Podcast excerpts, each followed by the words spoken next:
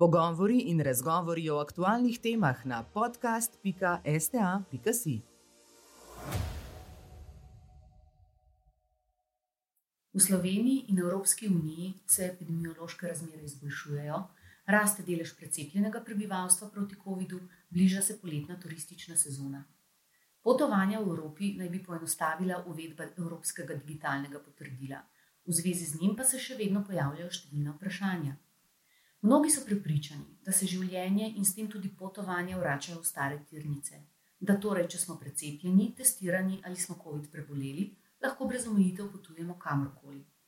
Ali je temu res tako in kako je s potovanji pred bližnjim koncem šolskega leta in poletnimi počitnicami, bomo v okviru projekta NAJA preverili z vodjo konzularne službe na Ministrstvu za zunanje zadeve Andrejem Šterom. Pozdravljeni, gospod Šter. Povejte najprej, ali zunanje ministrstvo državljanom še vedno odsvetuje nenujna potovanja v tujino? Ja, lep pozdrav. Torej, odsvetovanje nenujnih potovanj je zagotovo še v veljavi in smiselno za pretežni del sveta. Recimo, to zagotovo velja za praktično vse države na uh, južnoameriškem kontinentu, uh, to velja zdaj za Indijo in za njeno okolico, kar precej na široko. Uh, in to velja za vse tiste, ki se odpravljajo na pot uh, tako malo v ihti ali pa za letavo, zato ker je zdaj pomembno, da vemo, kam potujemo, da vemo, komu ali na katero lokacijo potujemo, in da imamo v tisti lokaciji kar največ ažurnih informacij. Če temu rečemo nujno potovanje, je to lahko tudi turistično potovanje, če si ga nekdo tako zelo zaželi. Ampak z nujnostjo potovanja ne mislimo samo na razloge, ampak tudi na tisto, kar nas nagovarja k potovanju. Torej, če kdo lahko potovanje, naprimer v Firence, zdaj le odloži za tri tedne, bo dobro storil, zato ker čez tri tedne bo mnogo bolj jasno, kako bodo Italijani omogočali turistični obisk uh, svojih uh, atraktivnih središč. V članicah Evropske unije naj bi z julijem uvedli digitalno COVID-19 potrdilo. To bo prebolelim, cepljenim in testiranim omogočilo potovanje brez omejitev. Mnogi, ki sodijo v to tako imenovano skupino PCT, so pripričani, da lahko neomejeno potujejo že zdaj, že junija. A to drži? Uh, torej, krok tistih držav, ki omogočajo to neovirano potovanje za kategorijo PCT, da, da smo zelo uh, taki, uh, razumljivi, se veča. Uh, ampak da bi pa to veljalo v vseh državah članicah Evropske unije in šengenskega sporazuma, pa še ni. Uh, Zaenkrat je to temelji na bilateralnih ali pa regionalnih dogovorih. Uh, do 1. julija, kot ste, kot ste omenili, pa, pa je državam naložen rok, ki ga je tako potrdila komisija, kot tudi Evropski parlament, ki članicam naroča, da do takrat uskladijo notranje pravne postopke, da bodo to svobodo potovanja omogočili. Torej, če zelo poenostavim, s 1. julijem se upamo, vzpostavlja ponovno mehanizem prostega potovanja med državami članicami, ki smo ga poznali, preden so se začele te težave, ki niso vse zaradi COVID-a. Notranje meje so se vzpostavljale zaradi migracijskih eh, napetosti, zaradi kakšnega pomembnega protokolarnega dogodka, in nažalost je to ostalo kot ena naplavina. Tako da smo se že skoraj navadili, da moramo na mejah in letališčih pokazati spet uh, osebni dokument in skoraj da zahtevati vnaprejšnje potrdilo. To se upamo 1. julija zaključuje. Mm. Torej bodo ta COVID-19 potrdila s temi QR-kodami omogočila odprtje notranjih šengenskih mej? To je zelo res. In, uh, QR koda, ki jo bomo prejeli od nacionalnega pooblaščenega državnega organa, pri nas bi to najverjetneje utegnil biti NIJZ. Uh, bo že sama po sebi berljiva na vseh uh, kontrolnih točkah znotraj Evropske unije in bo omogočala, da tisti osebi vsi verjamejo, da je dovolj poskrbila za svoje zdravstveno stanje. V nekaterih članicah, med njimi na Hrvaškem, so izdajo teh COVID-19 potrdil uh, s QR kodom že uvedli, uh, zdaj s 1. junijem. Kdaj ga bomo v Sloveniji? Uh, ja, torej, to zagotovo je pomembno vprašanje. Uh, obveščeni smo bili, da je pilotni projekt, ki ga je NIJZ uh, upravil nekaj tednov nazaj, da je bil uspešen. torej, da so uspeli uh, podatke zapisati v QR kodo in jo zapisati tako, da je bila tudi berljiva. Uh, vsekakor bo to do 1. julija, upamo, da čim prej. Krog držav se veča in s tem se veča tudi uh, ta digitalna možnost uveljavljanja svobode potovanja. To bo verjetno kar ta tehnična implementacija, bo kar pravi izziv za državne organe. Verjetno, ne? ne bi smel biti pretežek, če govorimo samo o tehničnem, logističnem izzivu, ampak mislim, da je predtem treba razrešiti marsikakšen oreh, ki ga doslej zelo porivamo od enega do drugega. Naprimer, treba bo odgovoriti na to, je, kje je starostna meja tistih, ki bodo potrebovali to. Treba je odgovoriti, kaj se bo zgodilo z osebami, ki so prebolele in imajo eno cepljenje, ali pa so prebolele in jim to mora nekdo potrditi, tako da bo to zapisano v QR kodi. Treba se je zmeniti, katera cepiva. Vse države ne uporabljajo istih cepiv, dale so tudi dovoljenje za cepiva, ki jih eh, Evropska eh, zdravstvena agencija še ne prišteva med dovoljenje. Torej, cel kup vprašanj, kot vedno se hodi skriva v podrobnostih, in do 1. julija morajo vse te podrobnosti biti razrešene na način, da bodo uh, sposobne biti zapisane v čitljivi QR kodi. Zdaj, Evropska komisija je predlagala smernice za poenotenje teh pravil na ravni vseh članic EU.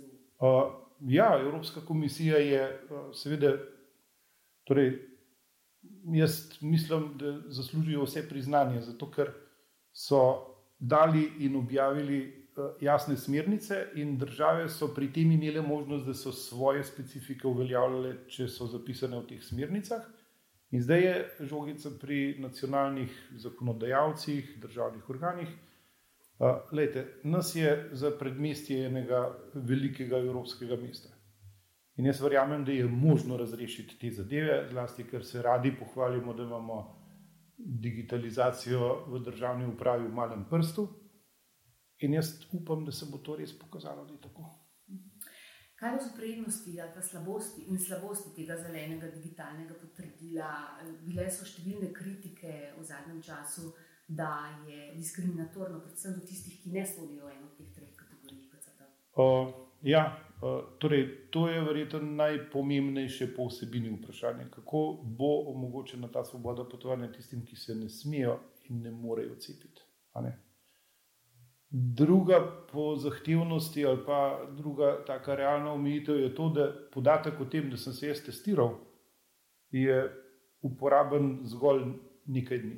Recimo, maksimum pet dni je to tisto, kar komu kaj šteje. Kasneje imam jaz to lahko samo še v albumu, realno, realne vrednosti pa ta podatek nima. Tudi to bo treba nekako zapisati v tisto QR kodo, ki jo bom jaz nosil s seboj. Najmanj me skrbijo tisti, ki uh, deklaratorno trdijo, da se ne bodo cepili. Torej, ti imajo dve možnosti: ali se ciklično uh, hodijo testirati in se testirajo na vsakem tranzitnem letališču in v vsaki ciljni državi, ali pa uh, spremenijo svoj pogled na cepljenje. To COVID-no potrdilo je dobilo ime tudi zeleno potrdilo. A je mit, da bo to potrdilo zeleno, glede na to, da ga bodo mnogi zaradi zapletenih postopkov pravzaprav natisnili in ga v papirnati obliki predlagali organom? To poimenovanje zeleno, digitalno COVID-no potrdilo ali zeleni potni list je po mojem malo ljubkovalno in verjetno ne bojo vse natisnjene verzije zelene. Pomembno bo, da bo dovolj jasno razvidno, da bo to možno prebrati z različnimi čitalci, ki bodo na letališčih, mejnih prehodih, ob karsanju na letalo in tako naprej. In verjetno se bo izgled, lookout tega, se bo spremenil, zato ker se zdravstvena stroka tudi še uči in na teh izsledkih bo uh, kakšna uh, modernizacija tega potrdila.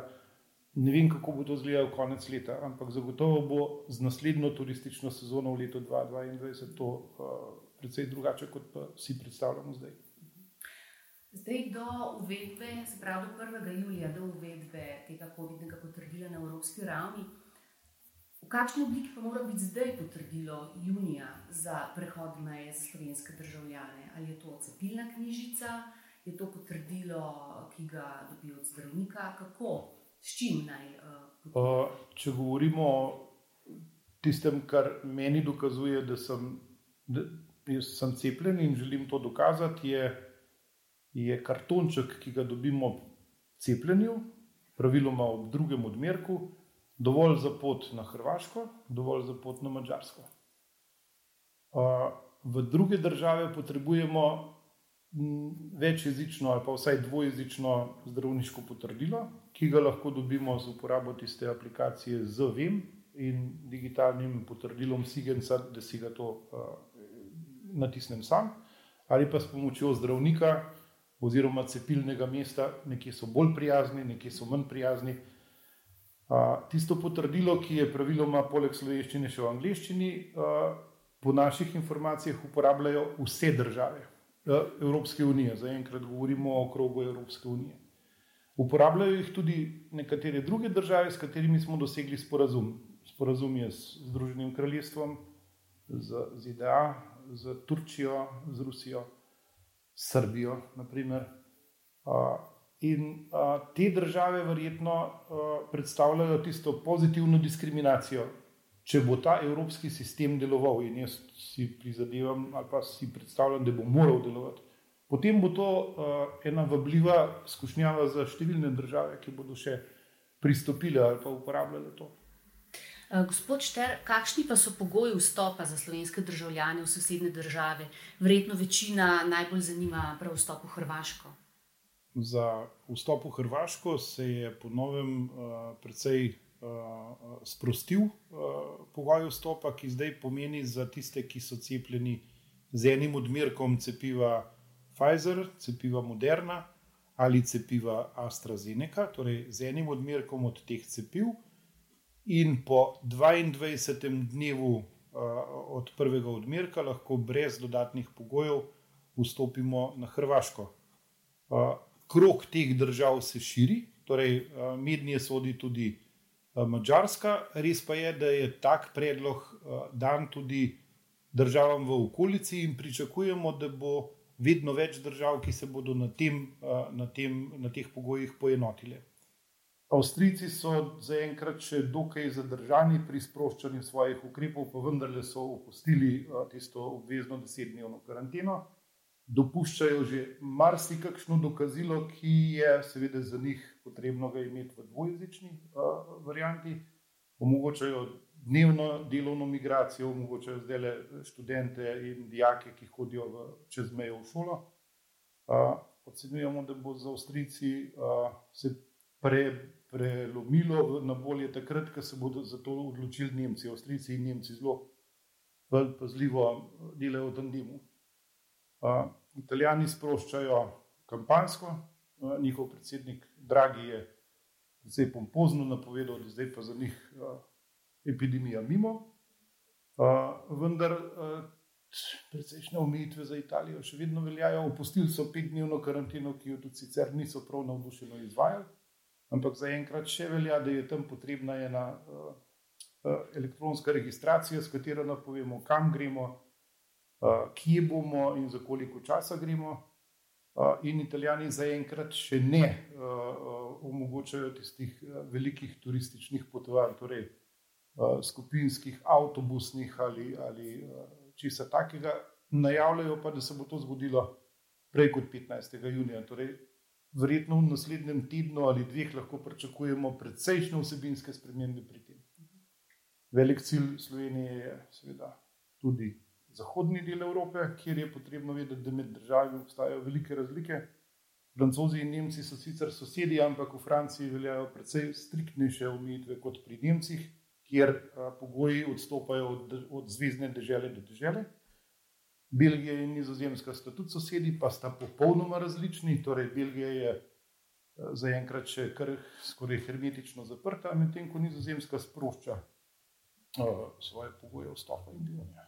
Torej, a, ker se pogoji vstopa in potovanja na ozemlje drugih držav pogosto in včasih popolnoma nelogično spreminjajo je koristno par dni pred odhodom te pogoje preveriti, najbolje na spletni strani uh, slovenske vlade in sicer prehajanje meja.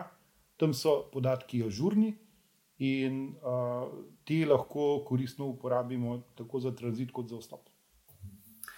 Zdaj, že več kot eno leto upozarjate na potovanje, le če je nujno. Pa me zanima, ali Slovenci spoštujemo, spoštujejo pravila in nasvete, ker očitno se potovanje, mi smo bili tudi v najbolj uh, zaostrenih epidemioloških razmerah, se nismo bili pripravljeni odpovedati. Ja, torej ta uh, presoja o tem, ali je kaj nujno, je prepuščena vsakemu posamezniku. In uh, po mojih, tako, po mojih informacijah ali pa po mojih izkušnjah se je glede na leto nazaj, naprimer, se je zadeva vsebinsko kar precej spremenila. Takrat smo govorili o tem, da je epidemija še marsikoga zares presenetila, da je obtičal nekje za teden, dva, pet, uh, mogoče več mesecev. Zdaj težko rečemo, da je to koga presenetilo. Tisti, ki želi, izve, kako je v drugih delih sveta. In zdaj tudi struktura tistih, ki so v tujini, če govorimo o slovencih, je drugačna. V tujini so uh, študentje, poslovneži, uh, družinski člani, ki so tam, zato ker so šli mogoče komu pomagati. Uh, seveda se pa znajdejo v tujini tudi tisti, ki so šli in so uh, nekako nasedli uh, kakšnim reklamnim sloganom: Pridite pri nas, ni korone. Ne? Taki so v največji nevarnosti, zato ker pravzaprav se pokaže, da to oglašuje tisti, ki zares ali ne želi videti, ali pa ni sposoben videti, da korona pač je. Ne? Uh, je tudi v državah, ki so zelo popularne turistične destinacije in uh, tam se poslužujejo, poleg tega, pridite pri nas, ni korone, tudi uh, takih dampinških ponudb. Prebrati en teden all-inclusive uh, v hotelu za 350 do 400 evrov z letalskim prevozom tja in nazaj. A veste, jaz sem sicer gorenc, ampak uh, po mojem, tudi če ne bi bil, bi me tako začelo neki peklit. Pa kako je to možno? Vse to ni možno. Ne?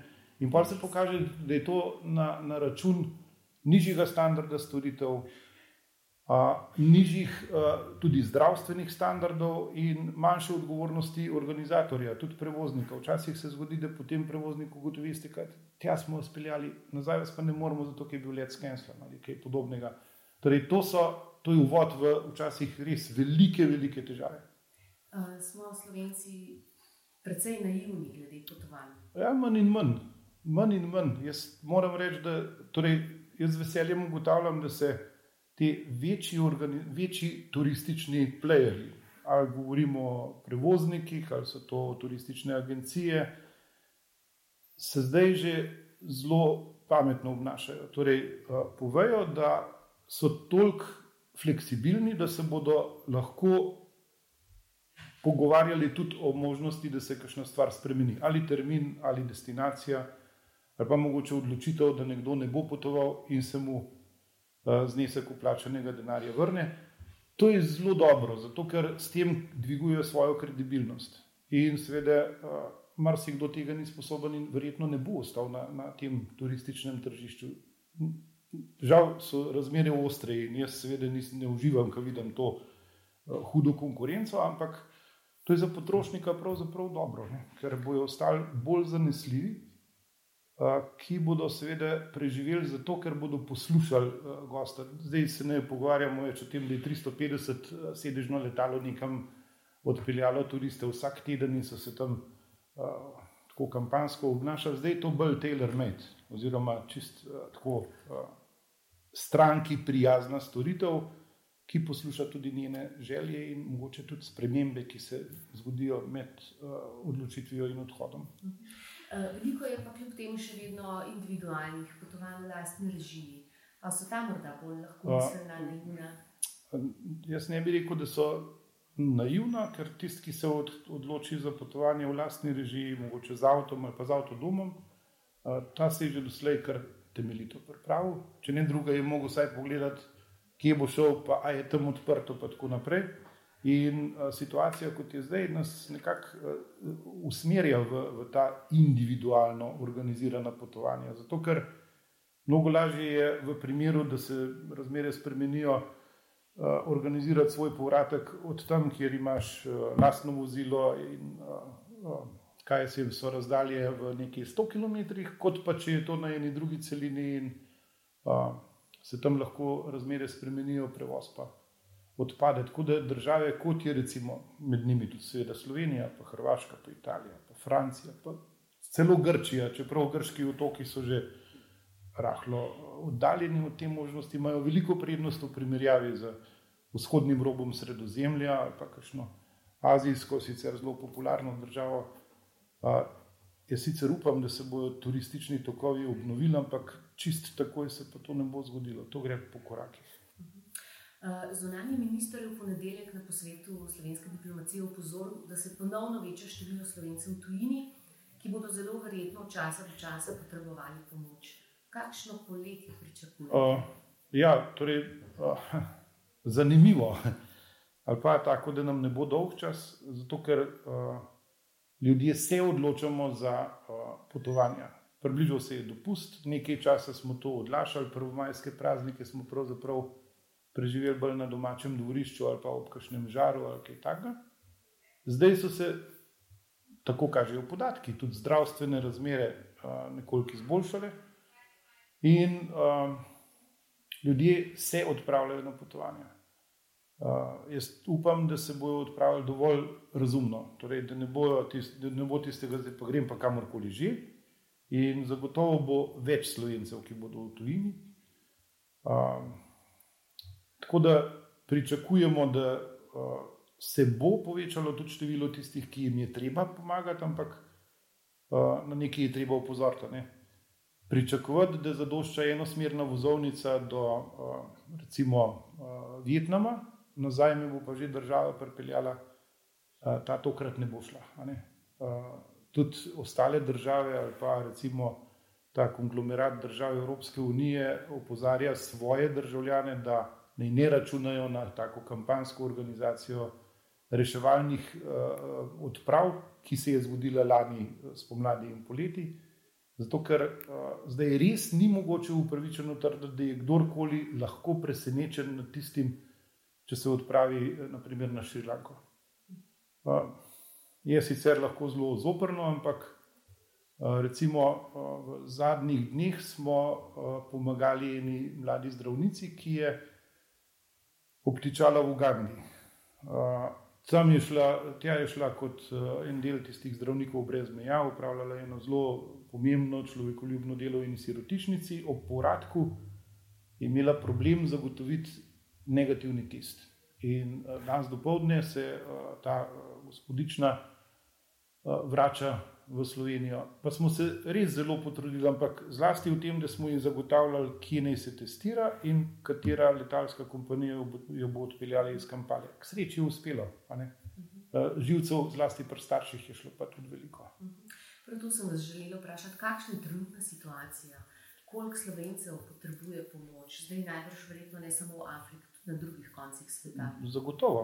Uh, recimo, težav, težavna potovanja so zdaj iz Združenih držav ali tja. Združene države so zelo uh, tako sui generis uredile potovanje na svoje ozemlje. Uh, če, če potuješ iz Evropske unije, moraš nekje preživeti 14 dni predhodne karantene v eni od varnih tretjih držav.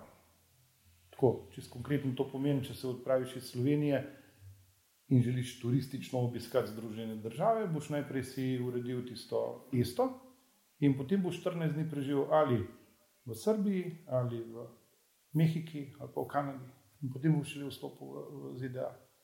To večino ljudi dramatično odvrne od želja, da bi, da bi obiskali Združene države. Torej, ko se pa vračaš, je pa uh, seveda postopek sicer lažji, ampak še zmeraj je zelo težko zagotavljati tiste časovne gabarite glede testiranja, ki jih moraš pokazati. Če se testiraš v ZDA in letiš preko Londona, kar je zelo običajno, v Londonu še nisi v, v Evropski uniji. London in Velika Britanija je tretja država. Tudi na to je treba biti pozoren. To še ni popolnoma vzorno. Ne, absolutno ne. ne. Absolutno ne. In, a, potem se zgodi, da a, kakšni, na kakšni od teh tranzitnih potovanj izbruhne okužba z tako imenovanim britanskim ali pa južnoafriškim ali pa indijskim sevom. In zlasti večje evropska letališča, kot naprimer Cirih, Frankfurt, Dunaj, Pariz, zaustavijo lete iz tistega dela sveta. Na ta način je ostalo kar nekaj slovencev, so nasedli v Nepalu, kjer so šli na prvomajski trekking, ker potem pa ni bilo možno čez Indijo nikamor več potovati. In a, zdaj to govorim z malo nasmiha, čeprav sploh ni smešno. Države kot je Nepal in še kakšna, tudi Uganda, potem omogočijo tistemu, ki ima naprimer pozitivni test da preživi uh, 5 dni, 10 dni, 14 dni v COVID-19 hotelu, kjer je recimo treba plačati nekaj 100 evrov za noč. Ampak plača tisti, ki tam biva. Tako da ni prijetno. No? Skratka, v Evropi se nam zdi, da se zadeve res umirjajo in da se zadeve vračajo na stare utirjene. Na stare tirnice po svetu se pa verjetno dogaja še kar veliko. Zagotovo. Zagotovo in uh, ta ev, ev, evropocentrična miselnost, uh, seveda, naleti že na prvem koraku, kamorkoli drugam, na realno, realne omejitve. Recimo, ta trenutek je skoraj da ne mogoče prostočasno potovati v Rusijo, pa je skoraj da naša soseda. Uh, evropska potovanja se ustavijo uh, na, uh, ob, ob ambiciji potovati v Južno Ameriko, tam se dogaja res grozljiva uh, zdravstvena katastrofa v marsikajšni državi. Indija zaenkrat še tone v, v uh, te razmere. In seveda, ker se zadeve v zvezi s to boleznijo dogajajo ne, včasih zelo nepričakovano, in uh, imamo še veliko neznank, tudi ni rečeno, da smo mi že popolnoma uh, sneti z, te, z tega kavlja in mogoče bomo zdrsnili v naslednji val epidemije, takrat, ko bomo najbolj prepričani, da smo že rešeni vsega hudega. Proti koncu poletja. Upamo, da, bo, da se ne bo zgodba ponovila od lanskega leta, ko smo pravzaprav se vračali z dopusta v praktično zelo slabe uh, epidemiološke razmere. Na koncu bi želela preveriti še eno zadevo. V zadnjih mesecih se je izkazalo, da so nekateri za prihod meje pripravljeni tudi ponarediti eh, potrdila o negativnem mm. testu. Imate morda podatek, koliko je bilo takih slovencev? Pod, torej, numeričnega podatka nimam, ampak imam pa upozorilo ali pa obvestilo od kolegov z policije, da je bilo teh ponaredkov toliko, da so se kontrolni postopki na meji morali uh, izvajati strožje in da so zato vsi ki so me opričkali, dlje časa čakali, marsikakšno potrdilo je potem dobilo slab predznak in je bilo umaknjeno z tega seznama uh, usklajenih uh, dokazil za prečkanje meje. Pa še nekaj je treba povedati, torej to ni uh, nek tak, uh, oh, bomo pa tle spremenili dve številki, sej za, za naslednjo pot bo dobro, to je poskus kaznivega dejanja. In to kaznivo dejanje se uh, kaznuje tudi z, ne samo z denarno kaznijo, uh, zlasti pa to, po mojem mnenju, seveda izrazito ogrožanje lastnega, pa tudi uh, našega skupnega zdravja. In to ni dobro. To ne daje dobrih uh, obetov za, za tisto, o čemer govorimo, to je varno uh, preživeti lep dopust, pa se potem tudi varno vrniti. In v, tem, v tej luči je prav tisto, tisto poenotenje digitalnega potrdila, s katerim jaz dokazujem, da sem zdrav, velik, velik prispevek k temu, da si bojo države med seboj ponovno lahko mnogo bolj zaupale, kot si zaupajo do zdaj. Hvala lepa, gospod Šter, za pogovor. Prosim, hvala lepa za to priložnost. Pogovori in razgovori o aktualnih temah na podcast.sta.si.